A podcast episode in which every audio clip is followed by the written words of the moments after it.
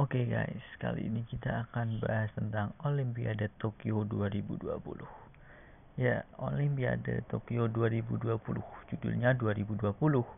Tapi Olimpiade ini dilaksanakan pada tahun 2021, yaitu karena apa?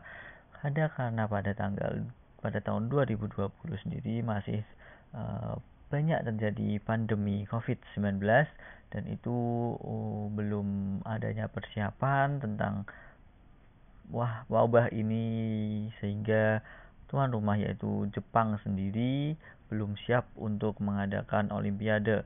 Yang olimpiade ini pastinya uh, diikuti oleh negara-negara di seluruh dunia dari atlet-atlet berbagai macam cabang olahraga.